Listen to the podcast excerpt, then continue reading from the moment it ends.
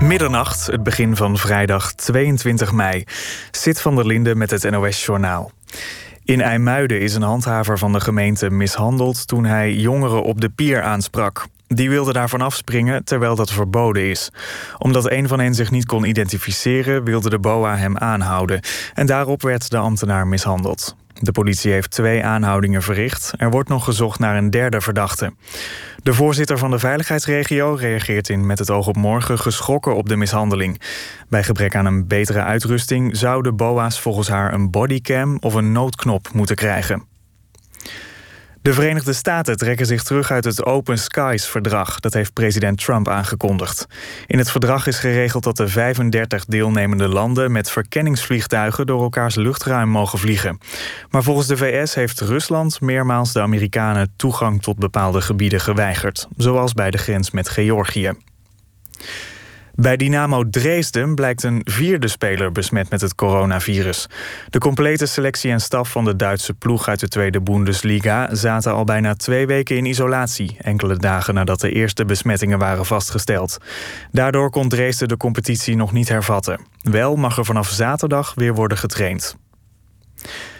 De stad Seoul overweegt de winkels van Chanel tijdelijk te sluiten. Vorige week stonden er lange rijen voor de vestigingen van het luxe modemerk. Veel Zuid-Koreanen wilden nog snel een jas of tas kopen, omdat Chanel heeft aangekondigd dat de prijzen flink omhoog gaan. Voor sommige kledingstukken gaat het om een prijsstijging van honderden euro's. Door de lange rijen is Seoul bang dat mensen zich niet houden aan de afstandsregels en dus voor verdere verspreiding van het coronavirus. Het weer nog. Vannacht koelt het af naar een graad of 15. Morgen is het bewolkt en kunnen er ook buien vallen. Tussendoor schijnt de zon. Het wordt 21 tot 28 graden. Dit was het NOS Journaal. NPO Radio 1. VPRO. Nooit meer slapen.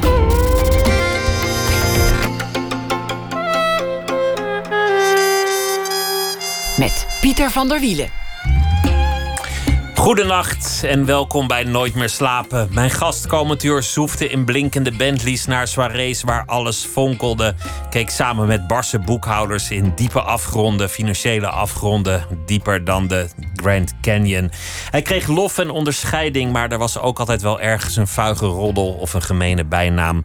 Sanfu Malta zit tegenover mij zonder enige twijfel Nederlands meest spraakmakende filmproducent. Costa, Zwartboek, Michiel de Ruiter, maar ook internationale krakers als The English Patient en Lord of the Rings kwamen dankzij hem bij het Nederlandse publiek terecht. In weken waarin alles, ook de cinema, op zijn inkepingje lag, was er gelukkig nog de Pinda, tijdschrift voor de Nederlands-Indische gemeenschap. Pinda met een H aan het eind, want zonder H werd het door sommigen discriminatoir geacht. Pinda met een H schijnt Indonesisch te zijn voor verhuisd. En dat deden de lezers en de doelgroep in zekere mate natuurlijk. Een allesbehalve homogene gemeenschap. Nederlanders met een achtergrond ergens in de Oost. Sanfu Malta groeide op in Oudenbos, werd geboren in 1957. Zijn vader was militair. En in Nederlands-Indië ontmoette hij de moeder van Sanfu in Jakarta. En dat was een vrouw van Chinees-Indische afkomst. En pas uh, vele jaren later zou die uitgroeien tot uh, een filmproducent. Sanfu, welkom. Leuk dat je er bent. Dankjewel. Ik, uh, ik mag twee kleine correcties. Ik ben een beetje een perfectionist. Eén, ik ben in 58 geboren. Maar Mijn tweede, excuses, een groot verschil trouwens. Ja, maar geen probleem. Maar het tweede is um, dat ik niet Michiel de Ruiter heb gemaakt. Ik heb wel de regisseur Roel René uh, zeg maar geïntroduceerd aan de producent daarvan. Uh, Klaas de Jong, by the way. Ook iemand met Nederlands-Indische roots. Zoals weinige mensen weten. Maar voor de rest klopt het verhaal prima.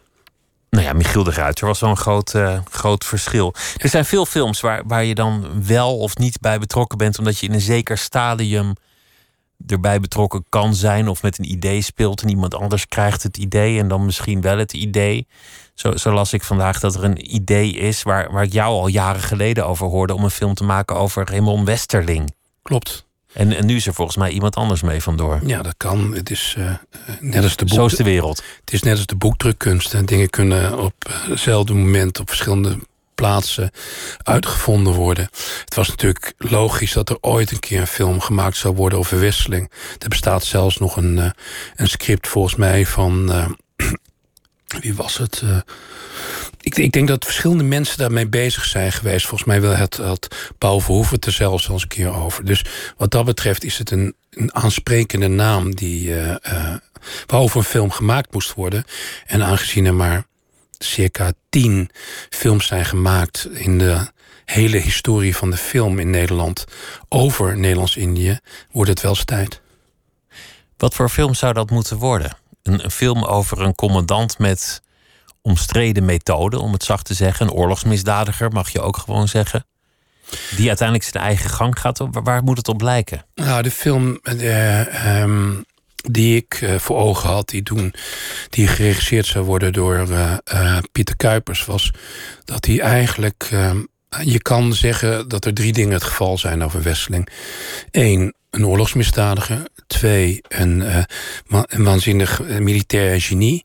En drie, een, um, uh, een fantast. Iemand die uh, ja, een bepaalde grootheidswaanzin had. Want uiteindelijk ook dacht dat hij zonder de Nederlandse regering het zelf wel kon klaren. Een soort ja, staatsgreep zonder de, zonder de Nederlandse regering misschien wel, ja. Wel met samenwerking die hem toegezegd was door allerlei militairen. Maar ja, niemand weet het fijne van. Maar er gaat een verhaal dat hij ooit. Uh, dat hij wel de steun van Bernard had. En dat uiteindelijk dat uitgekomen is hier in Nederland. En voortijdig uh, zeg maar gezorgd is dat hij. Uh, hij was ver. Ze hadden volgens mij Sukarno en Hatta, Hatta al gevangen. Maar in Jakarta is het misgelopen. Maar in principe, het uitgangspunt van de film die ik wilde maken, ging dat hij alle drie was.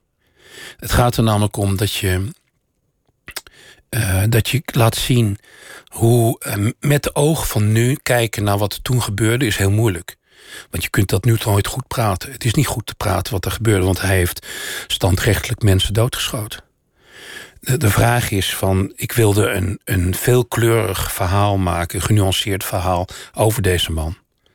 Ik, uh, ik weet niet wat het nu geworden is. Ik ben benieuwd. Laten we het hebben over je eigen achtergrond. Want, want in het tijdschrift dat jullie hebben gemaakt komt echt van, van alles naar voren. Daarin zie je, dit is niet een, een ontzettend homogene groep. Dit, dit kan echt van alles zijn. Nederlanders met een Nederlands-Indische achtergrond. Dat zou het wel moeten zijn, maar dat is het niet. Daar heb je gelijk, toe, gelijk in. Um, maar mijn gevoel is dat, uh, dat er veel meer overeenkomsten zijn dan verschillen. En dat daarom deze groep wel degelijk homogeen zou kunnen zijn, in ieder geval homogener dan ze nu is. Want ze, hebben, ze delen een hele hoop zaken die ze samen hebben. En dat is inderdaad een grote groep, want je kunt zeg Ze maar, delen geschiedenis, ze delen cultuur, een cultuur, rechten, dat soort dingen. Ja, en, en, en ook het feit dat ze allemaal hebben meegemaakt, althans de eerste generatie, toen ze hier aankwamen, dat er geen plaats en geen ruimte was voor hun verhaal voor wat zij hebben meegemaakt. En om dan ook nog eens te praten over het, uh, zeg maar, het gekleurde deel van de Nederlands-Indische gemeenschap die terugkwam, die was ook niet welkom. Persona non grata in Indonesië en in Nederland uh, waren ze ook niet welkom. Eigenlijk moesten ze daar blijven. En hier moesten ze volledig opnieuw beginnen. Hoe, hoe zat dat bij jou thuis? Hoe, hoe Indisch waren jullie thuis? Hoe, hoe Nederlands of hoe Indisch ben jij opgevoed? Ik ben eigenlijk heel Nederlands opgevoed. En pas toen ik voor de eerste keer naar Indonesië ben gegaan, besefte ik eigenlijk toch dat dat niet helemaal klopte. Dat er toch heel veel dingen in zaten die, die erin zitten. Natuurlijk ben ik wel opgevoed met de dingen die misschien mensen wel weten van op je beurt wachten, uh, uh, niet, uh, hoe je best doen, beter dan anderen, ehm, proberen niet op te vallen. Nou, daar heb ik eerder of later een einde aan gemaakt. omdat ik wist dat ik dan nooit aan de beurt zou komen. En uh, wellicht zo kon proberen andere mensen ook aan de beurt te laten. Maar dat wel. Maar mijn vader wilde echt heel graag dat wij Nederlands werden opgevoed. Nederlandser dan de koningin? Bij wijze van spreken. Wij, uh, uh, hij vond ook dat wij eigenlijk geen, geen vrienden moesten hebben in de. Uh, en er woonde, in Oudenbos woonden op dat moment denk ik vijf Indische gezinnen. En hij had eigenlijk veel liever dat wij Nederlandse vrienden hadden. Waarom hebben ze je dan Zan Vroeg genoemd? Ja, dat is dan hadden ze je verhaal. beter Henk of Kees kunnen noemen. Ja, dat, maar er zijn ook wel tijden geweest dat ik misschien had gehoopt dat ze dat hadden gedaan. Omdat het een heel leven een heel stuk simpeler was geworden. Maar goed, het is zo. En het is Een beetje een boy named Sue eigenlijk, zoals je het Ja. nu vertelt. Ja, klopt. Het is, een, het is alsof je de naam mee hebt gekregen om je hart te maken voor de wereld. Zodat je, want je begrijpt dat het onderdeel. Ik bedoel, ik was de witste van de familie. Maar dat wilde niet zeggen dat, dat ik daar. Mijn eh, oudste broer en zus, die hebben alle twee een Nederlandse naam. En vooral mijn broer, die, heeft, die zegt altijd dat hij er nooit last heeft gehad. En eh, het was ook zo dat natuurlijk als jij Sanfou heet, dan in Brabant, in een klein Brabants dorpje, dan leidde dat eh, tot, eh, tot verschillende situaties. Onder andere dat je van school naar huis eh, achterna gezeten werd en geslagen en noem maar op. Maar goed, het maakt je wel hard. En dat heeft het gedaan. Hoe, hoe zat het tussen jouw ouders? Hoe, hoe kwamen ze elkaar tegen? Wat is het verhaal? Wat, wat deden ze daar in Jakarta en hoe, hoe sloeg die vonk over? Nou, mijn, mijn moeder komt uit een eh, zeg maar welgesteld Chinees-Indische familie. Chinees-Indonesische familie. Zogenaamde Peranakan. Eh, en ehm, ondernemers, handelslui. en zij eh, wilde tegen de, de wil in van haar, haar vader met name. Ging ze uit en daar ontmoette ze naar zeggen in een ijssalon. Eh, mijn vader, die eh, dienst, eh, was niet of hij dienstplicht, maar was in ieder geval militair in, in Nederlands-Indië. Dus die stond daar, een mooie jonge man in een uniform, een ijsje te halen. En daar kwam die moeder tegen en die viel op elkaar. En dat leidde in beide gevallen niet tot grote acceptatie. Niet binnen de familie van mijn moeder. Want die hebben mijn moeder eigenlijk meteen... Ja, onterven is een raar woord, omdat in Chinese families de vrouw niets erft. Maar eigenlijk eh, zeg maar afgesneden van het familiekapitaal. En eh, mijn opa, de, de vader van mijn moeder... die heeft eh, mijn moeder ook nooit meer gezien nadat ze getrouwd was. Ze is zelfs een keer teruggekomen, jaren later, naar Indonesië. En toen wilde haar moeder haar nog wel zien... maar de vader die in hetzelfde huis woonde, die weigerde haar te zien. Nog steeds boos over het feit dat zij zijn wil had getrotseerd... en met een Nederlander was getrouwd. Ook nog eens een Nederlander, die, eh, dus geen Chinees, maar een Nederlander... en ook nog eentje uit een lagere klasse. Een verboden liefde dus. Was het wel een gelukkig huwelijk? Ik denk dat ze in het begin heel erg eh, verliefd zijn geweest en van elkaar hebben gehouden. Dat is niet eh, altijd zo gebleven. Ik bedoel, eh, ehm, ik verwacht dat het hebben van zeven kinderen misschien daar niet toe bijgedragen heeft, want dat was wel een enorme druk. Maar aan de andere kant. Het, is, is en blijft. eh, het, het is, ik laat ik zo zeggen van. Het is niet onmogelijk om twee culturen samen eh, eh, gelukkig te binden. Want er zijn genoeg goede voorbeelden van. In het geval van mijn vader en moeder heeft dat uiteindelijk niet, is dat niet gewerkt. Mijn, mijn moeder is ook een, een veel te sterke vrouw voor geweest. Mijn moeder had een enorm, was opstandig, was rebels, was, deed wat ze wilde. En eh, ja, dat viel niet altijd in goede aarde. En helaas eh, denk ik dat ze beter eerder hadden kunnen scheiden, maar uiteindelijk zijn ze ook gescheiden. We hadden het al over de niet al te homogene groep die toch meer deelt dan je zou denken. Dit soort verhalen. Daar hoor je toch al een klein beetje in dat het ook in het persoonlijke doordringt de geschiedenis. Afgesneden zijn van een land, niet geaccepteerd worden door je familie, tussen culturen en landen invallen. En, en dat, dat werkt generaties lang door. Ik, ik heb het altijd toch een beetje gevoeld en gezien als een heel erg verdeelde gemeenschap. Als je het dan een gemeenschap moet noemen. Zoveel verhalen die zo onverenigbaar zijn. Zoveel gevoeligheden. Dat zou je zeggen. En, en misschien is dat eh, tot op heden ook wel heel vaak het geval geweest. Maar ik zie dat wel als een soort in het verlengde van het koloniale systeem. Het koloniale systeem heeft natuurlijk ook gewerkt om te verdelen. Verdeel en heers. Verdeel en heers. En ik denk dat het tijd wordt. En ik denk ook dat daarom de derde en de vierde generatie heel belangrijk is. Omdat die derde en vierde generatie die stammenstrijd niet meer in zich hebben. Vaak zijn ze zelf zo vermengd. Ik bedoel, er zijn diverse mensen die zijn niet alleen Moluks, maar zijn ook Indisch. Zijn uh, Peranakan Chinezen die zijn vermengd. Ik bedoel, het is allemaal een, een groep geworden waarbij eigenlijk, um, ik denk, steeds meer het inzicht komt dat, uh, dat er meer gemeen is met elkaar. Dat er meer overeenkomsten zijn dan dat er verschillen zijn. En dat ze moeten, dat ze begrijpen dat eigenlijk hun vijand niet onderling is. Maar als er een vijand is, dan zit die vijand er elders. Want het, het risico van verdeeldheid is dat die hele geschiedenis verzwegen wordt.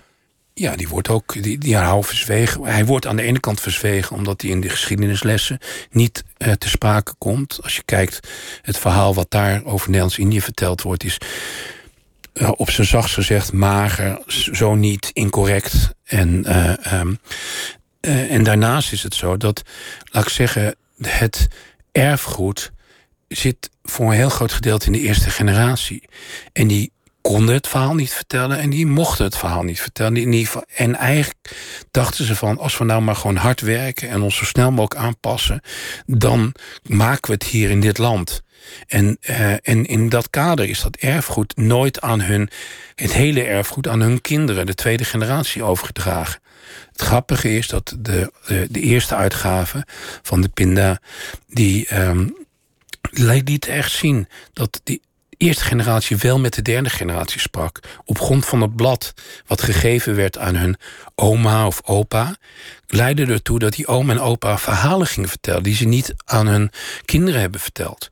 En dus wisten eigenlijk ontstond er eigenlijk veel meer, stond er een honger. Er stond een enorme honger en werd gevraagd van er moet een nieuw blad komen. En ja, wij hebben toen ook daarna nog een enquête gedaan. Er blijkt inderdaad het overweldigende beeld dat iedereen vroeg naar meer. En, en uiteindelijk hebben we dan ook een tweede met de naam Pinda, met een H erachter.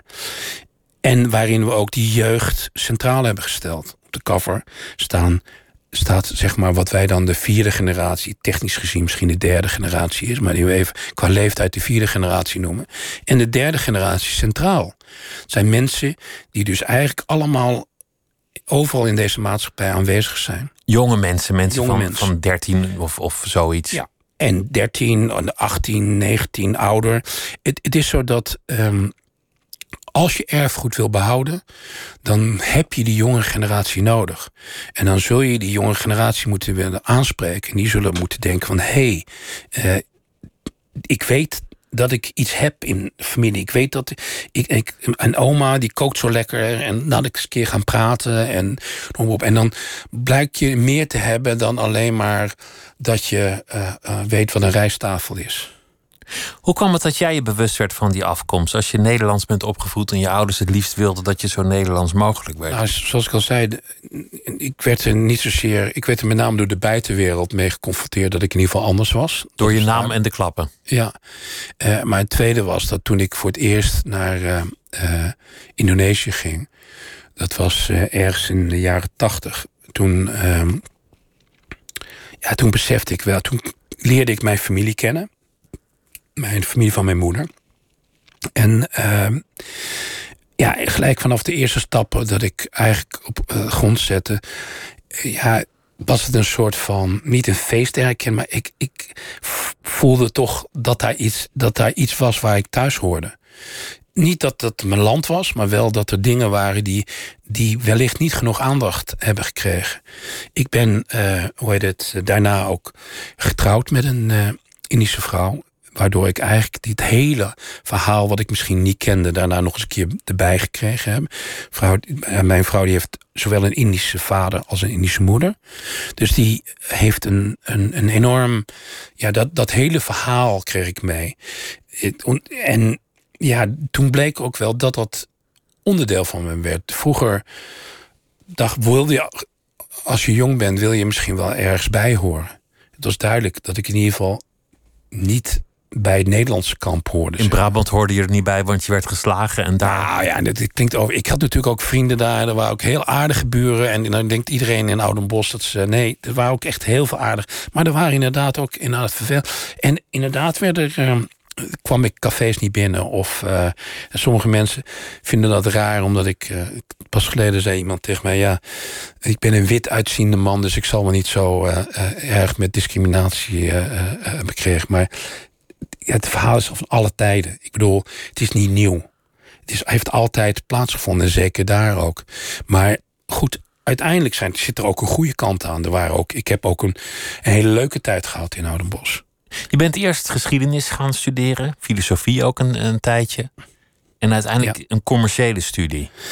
Ik heb allereerst uh, zelfs filosofie. Uh, want ik was uitgeloot voor geschiedenis. Toen ben ik met filosofie begonnen en toen ben ik daarna alsnog ingelood voor geschiedenis. Dus dan heb ik geschiedenis en filosofie gedaan, wat nog geen jaar geduurd heeft. Ik moet misschien wel zeggen, misschien zelfs wel geen drie maanden. Maar goed, uiteindelijk. Uh, uh, bleek heel duidelijk dat dat niet was wat ik, uh, ondanks mijn interesse in geschiedenis en wat mij ook heel veel later heel veel heeft gebracht ook, die interesse in geschiedenis. Maar um, ja, toen heb ik eigenlijk een jaar lang niets gedaan in Nijmegen. Ik studeerde in Nijmegen en ben discjockey geweest daar. En uh, ja, ik zag eigenlijk redelijk weinig van de dag, want ja, je lag vaak tot s'avonds uh, aan het draaien of aan het werk. Of je was in, in uh, Diogenes, daar, daar vond het plaats. En uh, zo heb ik een jaar lang doorgebracht. Ik ben ook nog drie maanden op vakantie geweest in, in Amerika. In een Joods kinderkamp waar ik gewerkt heb in de, in de keuken. En ja, dat was een enorme, dat was voor mij ook een enorme belevenis. En toen, toen kwam ik terug en toen dacht ik, ik moet iets anders gaan doen. En toen heb ik me ingeschreven voor de school van journalistiek. Waar ik uh, volgens mij in totaal zelfs twee keer voor uitgeloot ben. En toen heb ik, en ben ik uiteindelijk communicatie gaan doen. En hoe kwam je uiteindelijk bij de, bij de film terecht? Ja, dat is een heel lang verhaal. Film is sowieso altijd. Kijk, voor mij zijn film, boeken, muziek. zijn altijd drie gebieden geweest. Omdat ik vroeger heel ziek was. Ik lag in bed. Ik eh, was bedlegerig. Wat had je? As, astma. Ik heb ook in een sanatorium gelegen, twee jaar lang, van mijn derde tot mijn vijfde. En um, dat waren mijn drie ontsnappingsmogelijkheden. Dus ik las heel veel, ik luisterde. Eh, en films was een enorme hobby. Want veel kan je niet doen als je op bed moet liggen. Nee, dus, maar dat kon wel.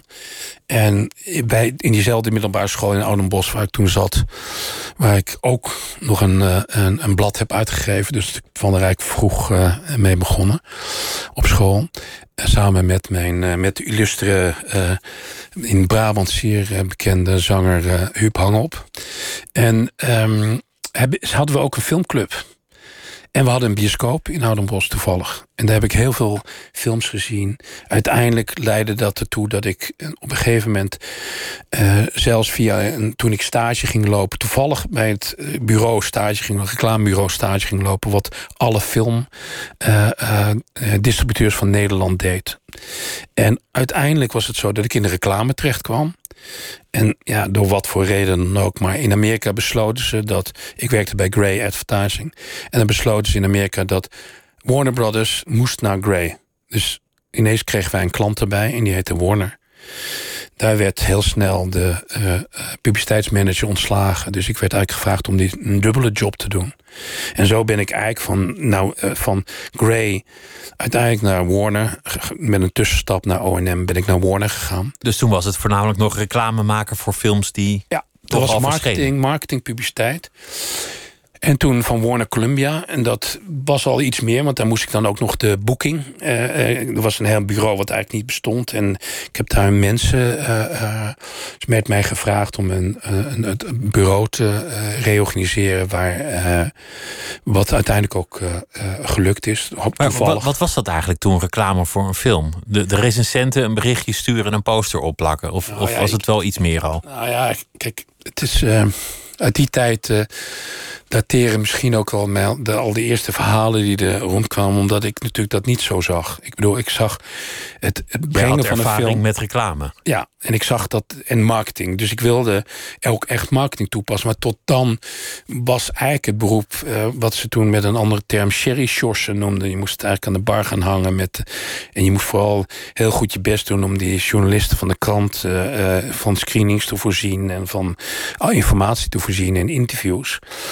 Maar ik heb het toch geprobeerd op een andere manier aan te pakken. En uh, dat was in het begin niet makkelijk, omdat, dat, omdat de tijd er nog niet voor was. Maar het is, ik heb daar heel veel geluk in gehad, omdat ik toevallig een aantal films heb kunnen doen uh, uh, die successen zijn geworden.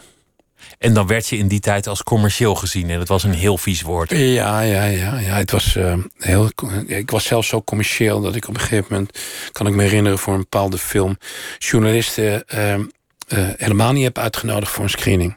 De film heb uitgebracht. Of dat ik ze uh, een screening alleen heb laten zien waar de cast en de regisseur aanwezig was. En ja, dus dat was allemaal anders en nieuw. En dat veroorzaakte wel een hele hoop gerommel. En ja, uiteindelijk leidde het ook tot successen. En omdat de films op een andere manier werden weer neergezet. En natuurlijk deed ik dat niet alleen. Dat deed ik één samen met een team. Dat deed ik twee andere collega's. Hebben daar ook heel duidelijk een rol in gespeeld. En maar uiteindelijk het wekte weerstand en dat, dat werd een beetje op jou geprojecteerd. Ja, ja, dat kun je wel stellen, ja. ja. Maar ja, goed, weet je, dat zal ook vast wel in mijn karakter ook hebben. Want je zei net ook dat, dat je op een zeker ogenblikje over het adagium van je jeugd heen zetten van maak jezelf onzichtbaar. Je dacht, ja, dan gaat er niks gebeuren. Je werd harder. Nou ja, het moest, dat moest ook, ook al veel vroeger. Dat werd, ik, ik bedoel, het, het, was heel duidelijk dat ik alleen maar op mezelf kon terugvallen als, als het erom ging. Ik bedoel, ik had uh, meegemaakt dat, uh, uh, hoe heet het, als het erom ging, was het zo van dan was je die poep Chinees. En dan, dan telde hij niet mee. Dus ik bedoel, ik wist dat het uiteindelijk alleen maar om mijn prestaties, om, om, om, het, om het uh, werk ging wat ik deed. En dat ik me daar niet moest laten leiden door andere mensen. Je moest het waarmaken. Maar als ik, als ik lees en ook, wat er En ook dat je je recht op moet opeisen. Dus mijn Nederlandse opvoeding heeft er wel voor gezorgd dat ik zeg van... hoezo moet ik blij zijn dat ik een aalmoes krijg? Ik moet gewoon, mijn, het, waar ik recht op heb, moet ik ook krijgen. Dan moet ik voor, hard voor werken en voor vechten, maar dan moet ik ook kunnen krijgen. Je gaat het niet cadeau krijgen. Nee. Dat is helder. Dit is in de loop der jaren zoveel over jou gezegd en geschreven. Mhm. Ik kreeg het vandaag aangereikt in een, in een overzichtelijke map en ik, ik ging er doorheen. En, en dan denk ik, dan ben je in ieder geval niet een gelikt media getraind figuur. Want dan, dan had je wel een, uh, een keurig imago opgebouwd. Dus, dus je bent in ieder geval niet iemand die dat weet te polijsten, wat voor je pleit. Maar ik vroeg me ook af, of heb je hoe kijk je daar eigenlijk tegenaan? Heb je ooit spijt gehad van de sector waarin je bent komen te werken?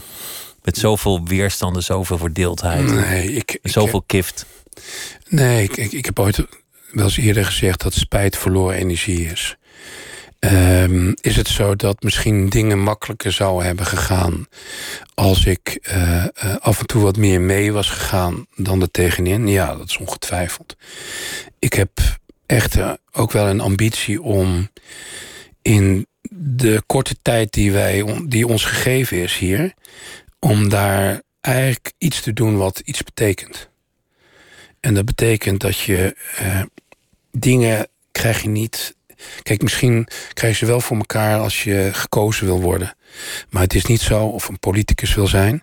Maar als je dingen voor elkaar wil krijgen in korte tijd, dan, uh, dan zul je voor het doel moeten gaan. En dan zul je um, je niet al te druk moeten maken om hoe mensen over je denken. Of ze je wel lief vinden. Of ze me wel aardig vinden, of ze me wel lief vinden. Ik heb nog steeds de illusie dat er trouwens een aantal mensen zijn die me wel lief vinden. Maar um, en, en misschien ben ik dat ook. Misschien ben ik dat ook wel. Het is alleen zo van dat je, uh, laat ik zeggen, in een vak waar toch uh, vaak heel veel jaloezie en nijd is. En vaak gekeken wordt. Uh, ze, laten je eigenlijk, ze zien je het liefste graag vallen. Um, als je hier in Nederland uh, risico's neemt, dan word je niet in Amerika daarvoor geprezen. Toen ik Zwartboek deed ooit, toen weet ik nog dat René Mioch tegen mij zei in een interview van... maar Sanfo, je bent toch gek dat je dit doet? En, eh, en hij had ook gelijk. Denk hij had denk ik ook gelijk. Ja, dit was het verschil tussen faillissement of, of eeuwige roem. Ja, nou goed, die eeuwige roem uh, weet ik niet of die er gekomen is. Het faillissement is in ieder geval niet gekomen. Maar de zaak was dat het, ja, het was een enorm risico. Je zou denken dat als het dan lukt, dat je dan uh, dat je daar dan de waardering voor krijgt. En ja, dat zit er niet in. Maar goed, daarom... Maar een film is eigenlijk een onmogelijkheid. Als je begint aan een film, er is alleen nog maar een idee. Ja dan, dan is het een soort uh, nou ja, toren van Babel of een ander megalomaan project waarvan iedereen zou kunnen zeggen: dit, nou, dit, dit kan helemaal niet. Ja. Een film met zo'n budget in Nederland op voorhand zou je kunnen zeggen. Als je het hebt over de film Zwartboek, ja, uh, uh, ja je kunt het megalomanie noemen. Aan de andere kant kan je het ook. Kijk, dat is de wat ik nou noem de katholiek-calvinistische inslag van Nederland. Ik bedoel, uh, het gaat vaak over. Uh, uh, ja, je moet, je moet niet te hoog grijpen. Je moet niet. het land van, van ondernemen is misschien Nederland niet. Ik bedoel, waarin op een gegeven moment gezegd wordt. Feit dat jij dat risico hebt, hebt genomen, dat, ja, dat wordt erg gewaardeerd, omdat het uiteindelijk tot een hele goede film heeft, gelopen, heeft, heeft gezorgd. ja. Ik zal je vertellen, uh, Lodewijk den Hengst, beter bekend dan, dan Lex Harding, zou oorspronkelijk investeren in de film. Dat heeft hij om onduidelijke redenen uiteindelijk niet gedaan. En mij een enorm probleem bezorgd. Toen hij die film uiteindelijk gezien heeft, schijnt hij gezegd te hebben: Ja, jammer, is, jammer dat het een goede film is geworden. Het is jammer genoeg een goede film. Dus ik wil maar zeggen dat je dat, dat die grootsheid om je concurrent of jouw collega, hoe je hem ook wil noemen, uh, um, zeg maar te waarderen voor wat hij doet. Er wordt eerder nadruk gelegd op de dingen die dan iemand niet gedaan zou hebben. En dat is jammer. Ja, maar ja, het, is, het is een gegeven. Je kan er heel lang bij stilstaan. Maar ik bedoel, Nederland is het land uh, waar ook bekend er is een, uh, hoe heet het, een IMDB is een database. Je kan ook zien dat Nederlandse films altijd slechts wordt beoordeeld door hun eigen collega's. Dus het is... Veel kift, veel verdeeldheid. Ja, jammer genoeg wel. En zoals, net als in de Nederlands-Indische gemeenschap zeg ik van mensen moeten zien dat ze elkaar nodig hebben. Want wij zijn niet elkaars vijand. Wij zijn elkaars collega. En we zitten zelf in het vak en moet. Onze vijanden zitten ergens anders. Wat, leuk, wat leuk dat je daar een verband tussen ziet, eigenlijk. Tussen de Indische gemeenschap en de filmwereld. Dat je dat nou, je ja, verdeeldheid in, herkent. Ja, maar je moet. Je, ik denk dat uh, overal waar machtsspel wordt gespeeld. En er wordt natuurlijk een machtsspel gespeeld. Want uiteindelijk uh, als jij geconditioneerd wordt dat je elke keer maar zo weinig geld kan krijgen en dat je die regels moet volgen, ga je dan met elkaar praten en zeggen van hé, hey, dit deugt niet en, en het filmfonds hoort niet op de stoel van de maker te gaan zitten? Of ga je dan vooral dingen maken waardoor je je geld krijgt zodat de kachelpijp kan roken? Ja, het is logisch dat dat tweede gebeurt. Maar ondertussen uh, is het wel zo dat uh, het raar is dat al die regels die worden nergens op afgerekend. Er is, de mensen die er zitten, die, die krijgen ridderorders en die worden geëerd. Maar ondertussen hebben ze de filmindustrie naar de, naar de kloten geholpen.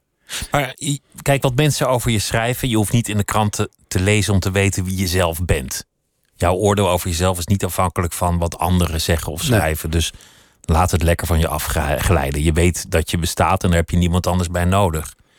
Maar, maar na een carrière van zoveel jaren, zoveel successen, hmm. zoveel dingen, vraag ik me af, wat, wat blijft hangen? Is, is het bij iets andere mensen of bij mezelf? Bij jezelf. Is het, een, is het een gevoel van trots, blijdschap? Of denk je ook wel aan al die. Nou ja, iemand die, die beloftes niet nakomt, of schendingen van integriteit, of kift, of naardoenerij. Schending van integriteit heb ik dan nooit uh, uh, van gehoord. Uh, dit is kift, ja. Nou, nou zo integer zijn ze allemaal niet, toch? Wie? Oh, ik mensen, in de, andere mensen in de filmsector? Oh, dat. Je bedoelt dat andere mensen.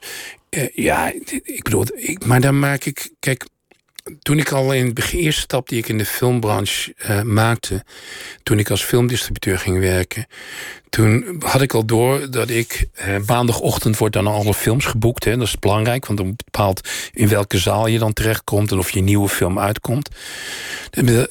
Daar ben ik op een gegeven moment gestopt met dat eeuwige geklets en gezeur en geroddel. Waar op een gegeven moment je, je was meer bezig over anderen dan over je eigen film. Ik zei altijd van ik ben bezig met mijn eigen film. Dus ik wil oog op de bal Ja, oog op de bal. En zo is het ook nu dat ik denk van ja wat mensen daarvan zeggen, ja dan nee. Kijk, ik denk altijd aan, kijk naar de resultaten. Als, je, als er iets gezegd wordt over mensen, dan moet je kijken naar de resultaten. Ik ben van mening dat je kunt heel veel zeggen over bepaalde mensen of bepaalde dingen. Maar ik heb groot respect voor uh, een hele hoop van mijn collega's. En je ik kijkt bedoel, met blijdschap terug op, op de keuze voor dit vak.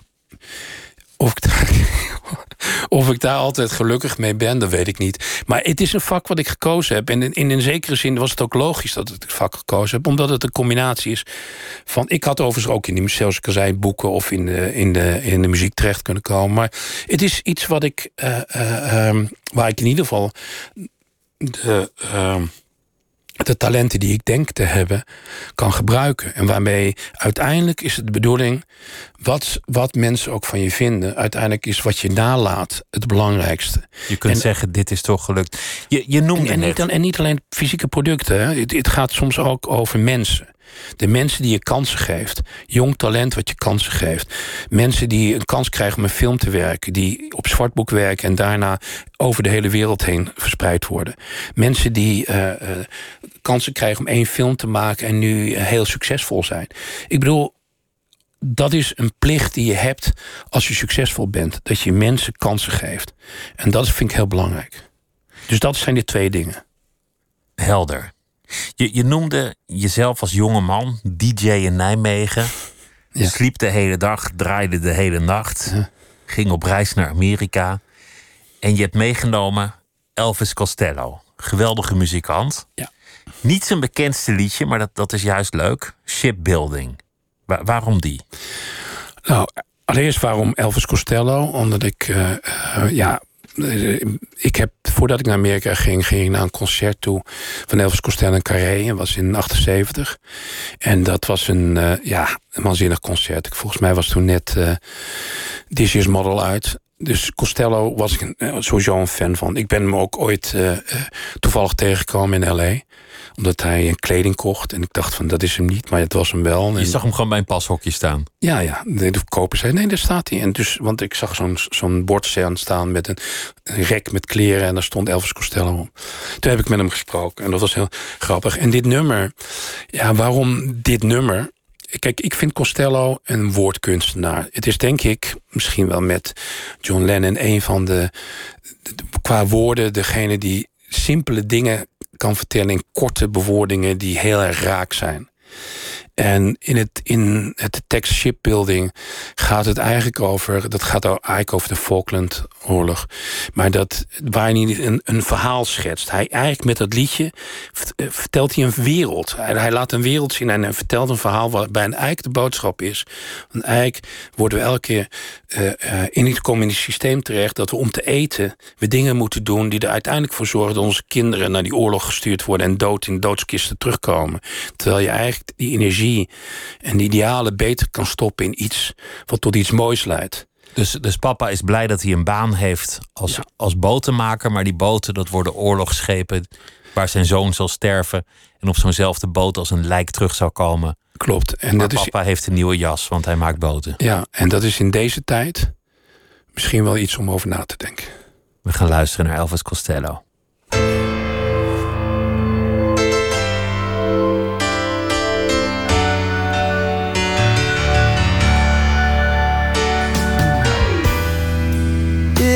Is it worth it? A new winter coat and shoes for the wife, and a bicycle on the boy's birthday. It's just a rumor that was spread around town by the women and children. Soon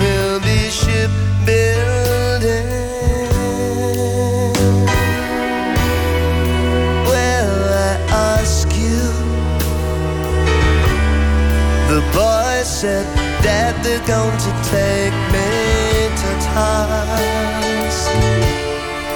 But I'll be back by Christmas. It's just a rumor that was spread around town. Somebody said that someone got killed in for saying that people get killed in the result of this ship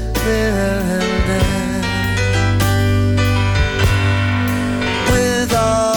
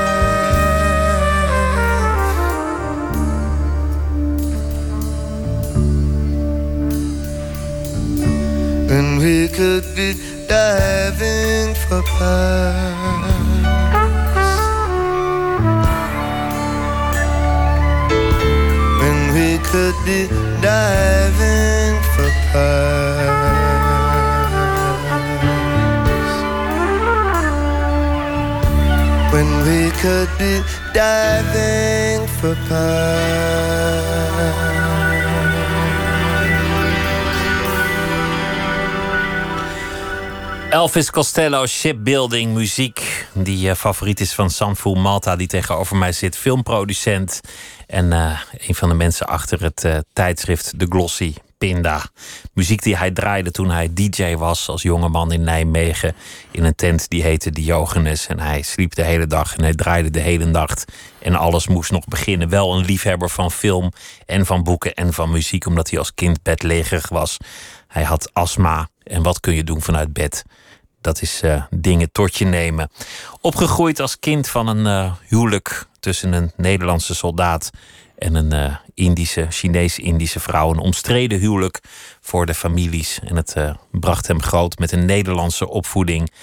Waar hij werd geleerd om niet op te vallen. Maar daar heeft hij later wat anders van gemaakt. Omdat hij dacht, dan gaat het gewoon niet gebeuren als je niet zelf eh, je plek opeist in het eh, leven. En dat kwam nog van pas toen hij later eh, filmproducent werd. Want daar helemaal moet je gewoon je ogen op de prijs gericht hebben. We hadden het over de verdeeldheid in de Indische gemeenschap. Je zei er is meer eenheid dan je zou vermoeden.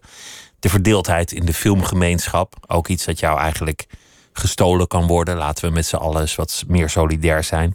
Onze ogen op de prijs eh, houden. En toen hadden we het over dat beroep van filmproducent.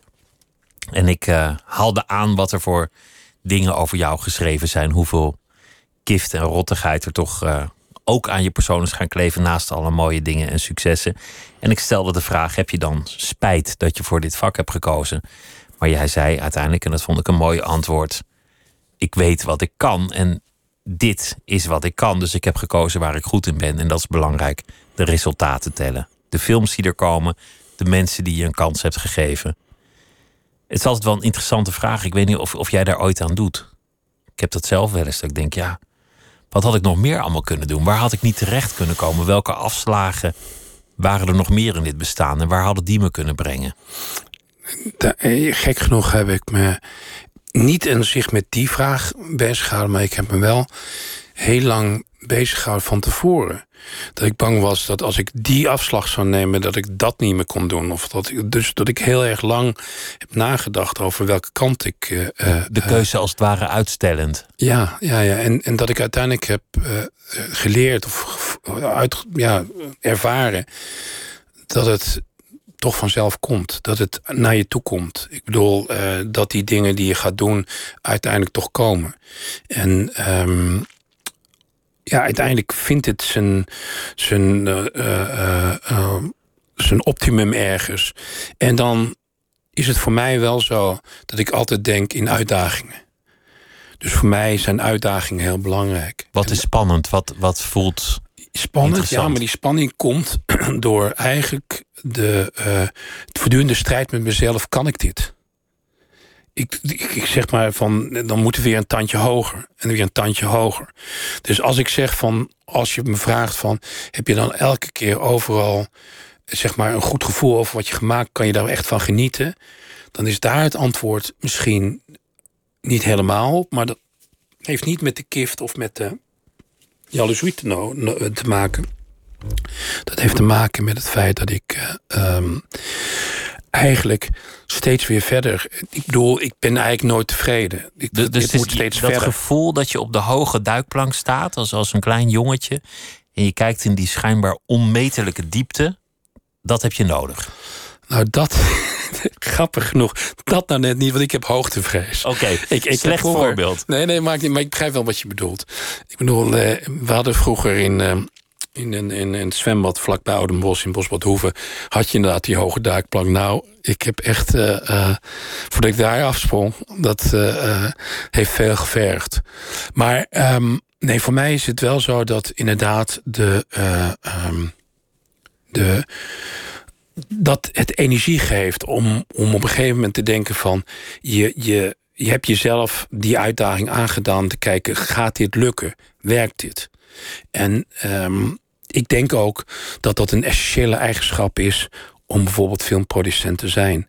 Maar ook vind ik dat als hoofdredacteur van een blad. Maar als filmproducent is het zo dat ja, je jammer genoeg tegenwoordig eigenlijk beoordeeld wordt of je op tijd je verslagen indient, je rapportages, of je keurig op tijd alles inlevert, dat je precies binnen budget bent gebleven. Kortom, risicomijdend en niet risico ja, aanmoedigend. Heeft, heeft iemand ooit gezegd dat je eigenlijk pas een goede producent bent als je durft uit een vliegtuig te, te, te springen met een parachute waarvan je je afvraagt of die wel op tijd open gaat. Laten we het dan over die parachutes hebben. Want, want je hebt een tijd in een, in een Bentley gereden, las ik in de krant. Interviewers schrijven dat altijd meteen op, want die hebben dan een soort beeld. Vinden ze ja, leuk. Het is een heel, heel stom idee geweest van mij. Het was een soort.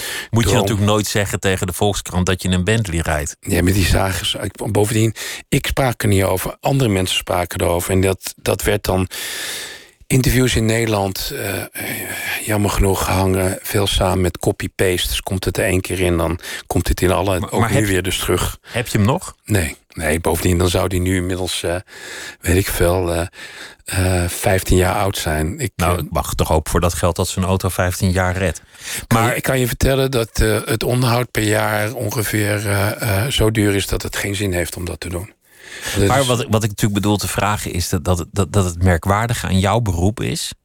Maar het was heel dom, hè, want het creëerde allemaal die jaloezie die er was. Het werd alleen nog maar erg. En... Ja, ja, dat, het is een mooie wagenkom. Maar het was één keer. Weet je wel, het is één. Maar, maar, beschouw het als een jeugdzonde. Je, je, kunt, je kunt het maken, maar je kunt ook even hard vallen. Ja. Een film is zeer ongewis. Weet je een nooit. prachtige film kan onvoorstelbaar floppen. En een totale prutfilm, ik kan er tien noemen, kan een kassucces van je welste worden. Klopt. En, en, en niemand die het echt weet, maar jij moet je geld erop zetten en ook je eigen geld. Ja, klopt. Dat wordt ook, werd in ieder geval producenten altijd afgeraden om te doen, maar dat heb ik inderdaad gedaan.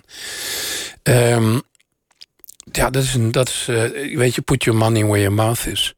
Als je ergens in gelooft, dan moet je, moet je dat ook durven. Het is alleen zo dat, laat ik zeggen, het er niet makkelijk op geworden is, omdat het, het verdienmodel wat er vastzit aan het maken van films steeds moeilijker is geworden. Geen dvd's meer. Uh, andere distributie. Dat één, maar, maar ja, op de een of andere rare idee vindt men dat als er tv-programma's gemaakt worden met geld van de overheid, dat je dan niks hoeft terug te betalen. Maar als er films gemaakt worden, moet er wel geld terugbetaald worden. Alsof wegenbouwers die wegen bouwen voor de overheid ook constant gecontroleerd worden over wat zij, hoeveel geld ze uitgeven en aan wie. Dus het, het, aan de ene kant het risico is jou. Maar uh, uh, je moet wel aan de andere kant constant uh, zorgen dat je niet te veel verdient. Er wordt bepaald hoeveel jij mag verdienen, hoeveel een regisseur mag verdienen. Er wordt ervoor gezorgd dat eigenlijk al die mensen nooit echt geld kunnen verdienen, waardoor ze steeds afhankelijk blijven. En een soort van en van de omroep van, de, van het filmfonds. En terwijl we eigenlijk moeten streven naar onafhankelijkheid. Dat mensen gewoon kunnen. Dat eigenlijk ze voor een heel groot deel, dat ze, doordat ze geld kunnen verdienen, hun eigen films kunnen maken. Doordat ze de films kunnen maken die zij willen. En niet de films die uh, uh, andere mensen die aan de, aan, de, aan de stuur zitten... en dan vaak in, in, in sommige gevallen tien jaar of zelfs 25 jaar. En die bepalen van of jij dat mag maken, ja dan nee. En ja, dat, dat lijkt mij een raar systeem. Het is, het is ook een idioot systeem. Alleen, Te veel koks in, in, de, in de keuken. En, en, het, is, het is ook nog eens een keer... Uh, de, de mensen bij de NPO, de mensen bij uh, de Kobo... mensen bij het Filmfonds... met een enorme macht, maar die geen toezicht. Dus geen, geen enkele controle, geen toezicht. Uh, uh, ik bedoel, het is machtsorgaan, maar iedereen die er werkt bij het fonds die heeft een uh, geheimhoudingsplicht. Dus wat er ook fout gaat, gaat wordt niemand gecontroleerd. En denk nou niet, en dat is niet een soort van complotdenken of zo. Maar denk niet dat, het, dat de knevelarij en de discriminatie plaatsvinden bij de belastingen, dat dat uniek is voor de Belastingdienst. Ik bedoel, in principe, en zeker hoe langer mensen ergens werken, ontstaan er rare systemen. En wie controleert de controleur? En, en, dat is, en dat is zo vreemd. En dat is, daardoor kun je eigenlijk heel moeilijk films maken. En eigenlijk op dit moment de enige films die op dit moment of succes hebben, of uh, um, uh, hoe heet het, in het buitenland in ieder geval, of, of prijstechnisch doen. Zij hebben vaak enorme risico's en zijn niet de mensen die keurig in het gareel lopen. En zijn de mensen die op eigen, die eigen kracht en, en, en veel risico nemen om het te maken. De dwarsliggers die komen er nog wel eens uh, doorheen. Nou ja, en, en, de, rest, dan, de rest zien we allemaal in de bioscoop verschijnen. En ja, daar, ik bedoel, ik, het is niet aan mij om daar kritiek op te hebben. Maar ik vind alleen jammer dat er uh, um, dat er te weinig nieuw talent komt. En dat het talent wat er is, niet de kans krijgt om de film te maken die zij willen maken. Het is helder. Dan ben je in de tussentijd ook nog hoofdredacteur van, uh, van de Pinda. Ja. Waar, waar we mee uh, begonnen. Pinda met een H aan het, aan het eind. Het, het is een heel veelzijdig blad geworden. Maar, maar we hadden het over wat mensen toch de delen uiteindelijk. Ondanks alle verdeeldheid. En toen hadden we het over hoe die geschiedenis wordt beleefd. En jij zei, ja, in de geschiedenislessen wordt er eigenlijk vrij weinig uh, aandacht aan besteed. Deze maand was de bevrijding die werd gevierd. Omdat het een mooi rond getal was.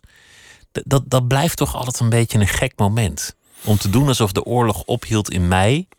Terwijl voor heel veel Nederlanders niks ophield, alles gewoon doorging tot augustus. Nou, sommigen het zelfs tot 49, eh, want...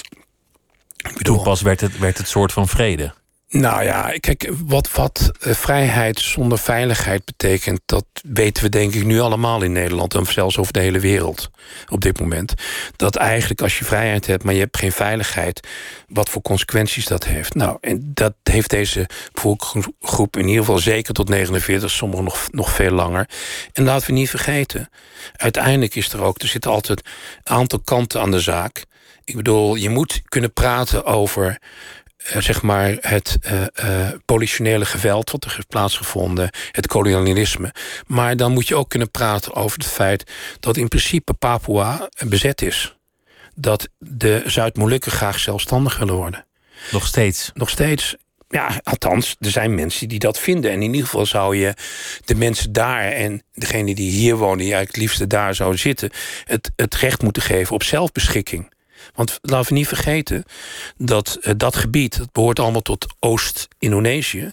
In 1949, toen de soevereiniteitsoverdracht is, is geweest, hebben zelfbeschikkingsrecht gekregen. En dat heette Oost-Indonesië. En dat was een zelfstandige staat. Dus zelfstandig van de Republiek Indonesië. De Republiek Indonesië was Java en, en, en uh, Sumatra, et cetera. En uiteindelijk heeft uh, Sukarno drie, vier maanden na het tekenen van de soevereiniteitsoverdracht, die zogenaamde Verenigde Staten van Indonesië een grote streep doorgezet. En kun ik, daar kan ik ook dingen bij bedenken, want misschien was dat wel nog steeds een manier van Nederland om een vinger in de pap te houden. Maar daarmee ging die wel in tegen tegen de zelfbeschikkingsrecht van een aantal andere landen. En ook dat is belangrijk, want deze mensen wonen ook in Nederland. En wanneer kunnen zij hun vrijheid gaan vieren? Dus er zijn verschillende. Uh, uh, het, het, is natuurlijk moeten we blij zijn.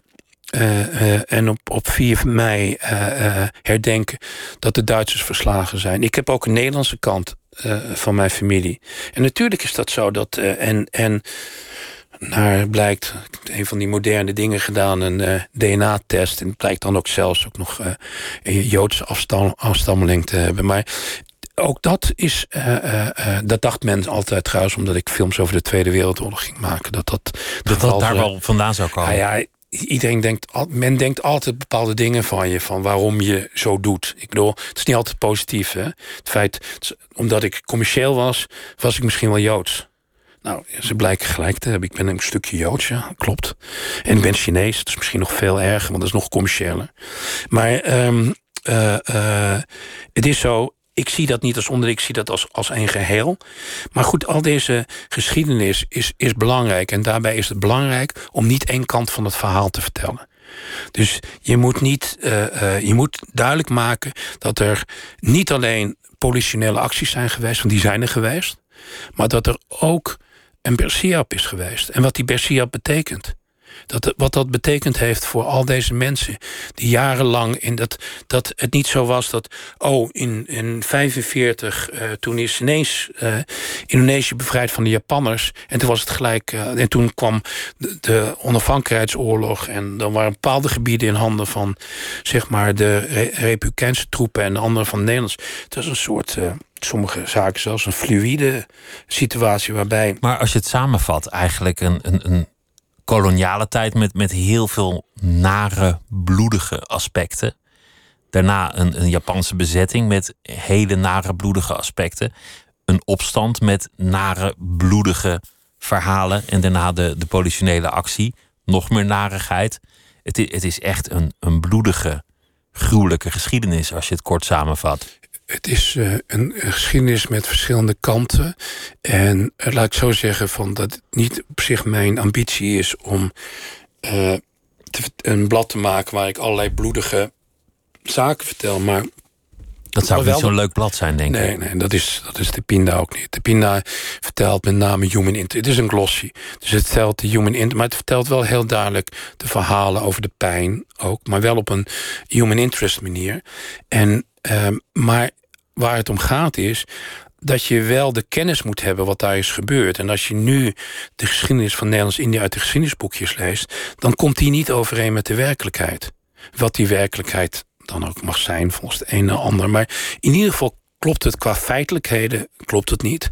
En het wordt tijd dat daar iets aan gedaan wordt. Het is echt een schandaal dat, dat, dat, dat uh, de geschiedenislessen over Nederlands-Indië gaan uh, ik bedoel, ik, ik hoor zowel van, van met name derde generatie, vierde generatie, soms zelfs tweede generatie, maar ook van mensen die geen banden hebben met Nederlands-Indië, hoor ik dat ze helemaal dingen niet wisten. Dat is eigenlijk pas nu, er staat een, een Nederlands-Indië voor beginners uh, stuk in. En dat is, daarin zie je alle jaartallen en dingen die er gebeurd zijn. En dan komt het een beetje op zijn plek. En de bedoeling is niet, is eigenlijk om dat verhaal te schetsen. Om duidelijk te maken van waar komt deze gemeenschap vandaan? Wat maakt die mee? En dan zie je ook dat die mensen een overeenkomst hebben. Ik heb uh, in mijn editorial quote ik een, uh, een, een, vrouw die ik geïnterviewd heb, Kirsten Grote Vos. En die zegt: maken eh, van een, een sotto, een goede sotto, is... de kunst daarvan is dat je alle ingrediënten ruikt. Moet ruiken. Dan mag er geen overheersen. En dat, was is voor mij ook. Alle ingrediënten en niet alleen Ja, de en- kippensoep. Nee. Dank je wel dat je langs wilde komen. Het blad heet Pinda met een H op het eind. Sanful Malta, dank je wel. En morgen zit hier eh Liesbeth Staats met Pieter van der Blink. Een hele goede nacht.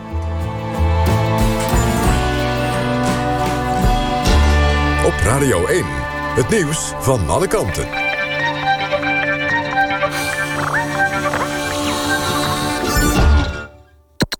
NPO Radio 1.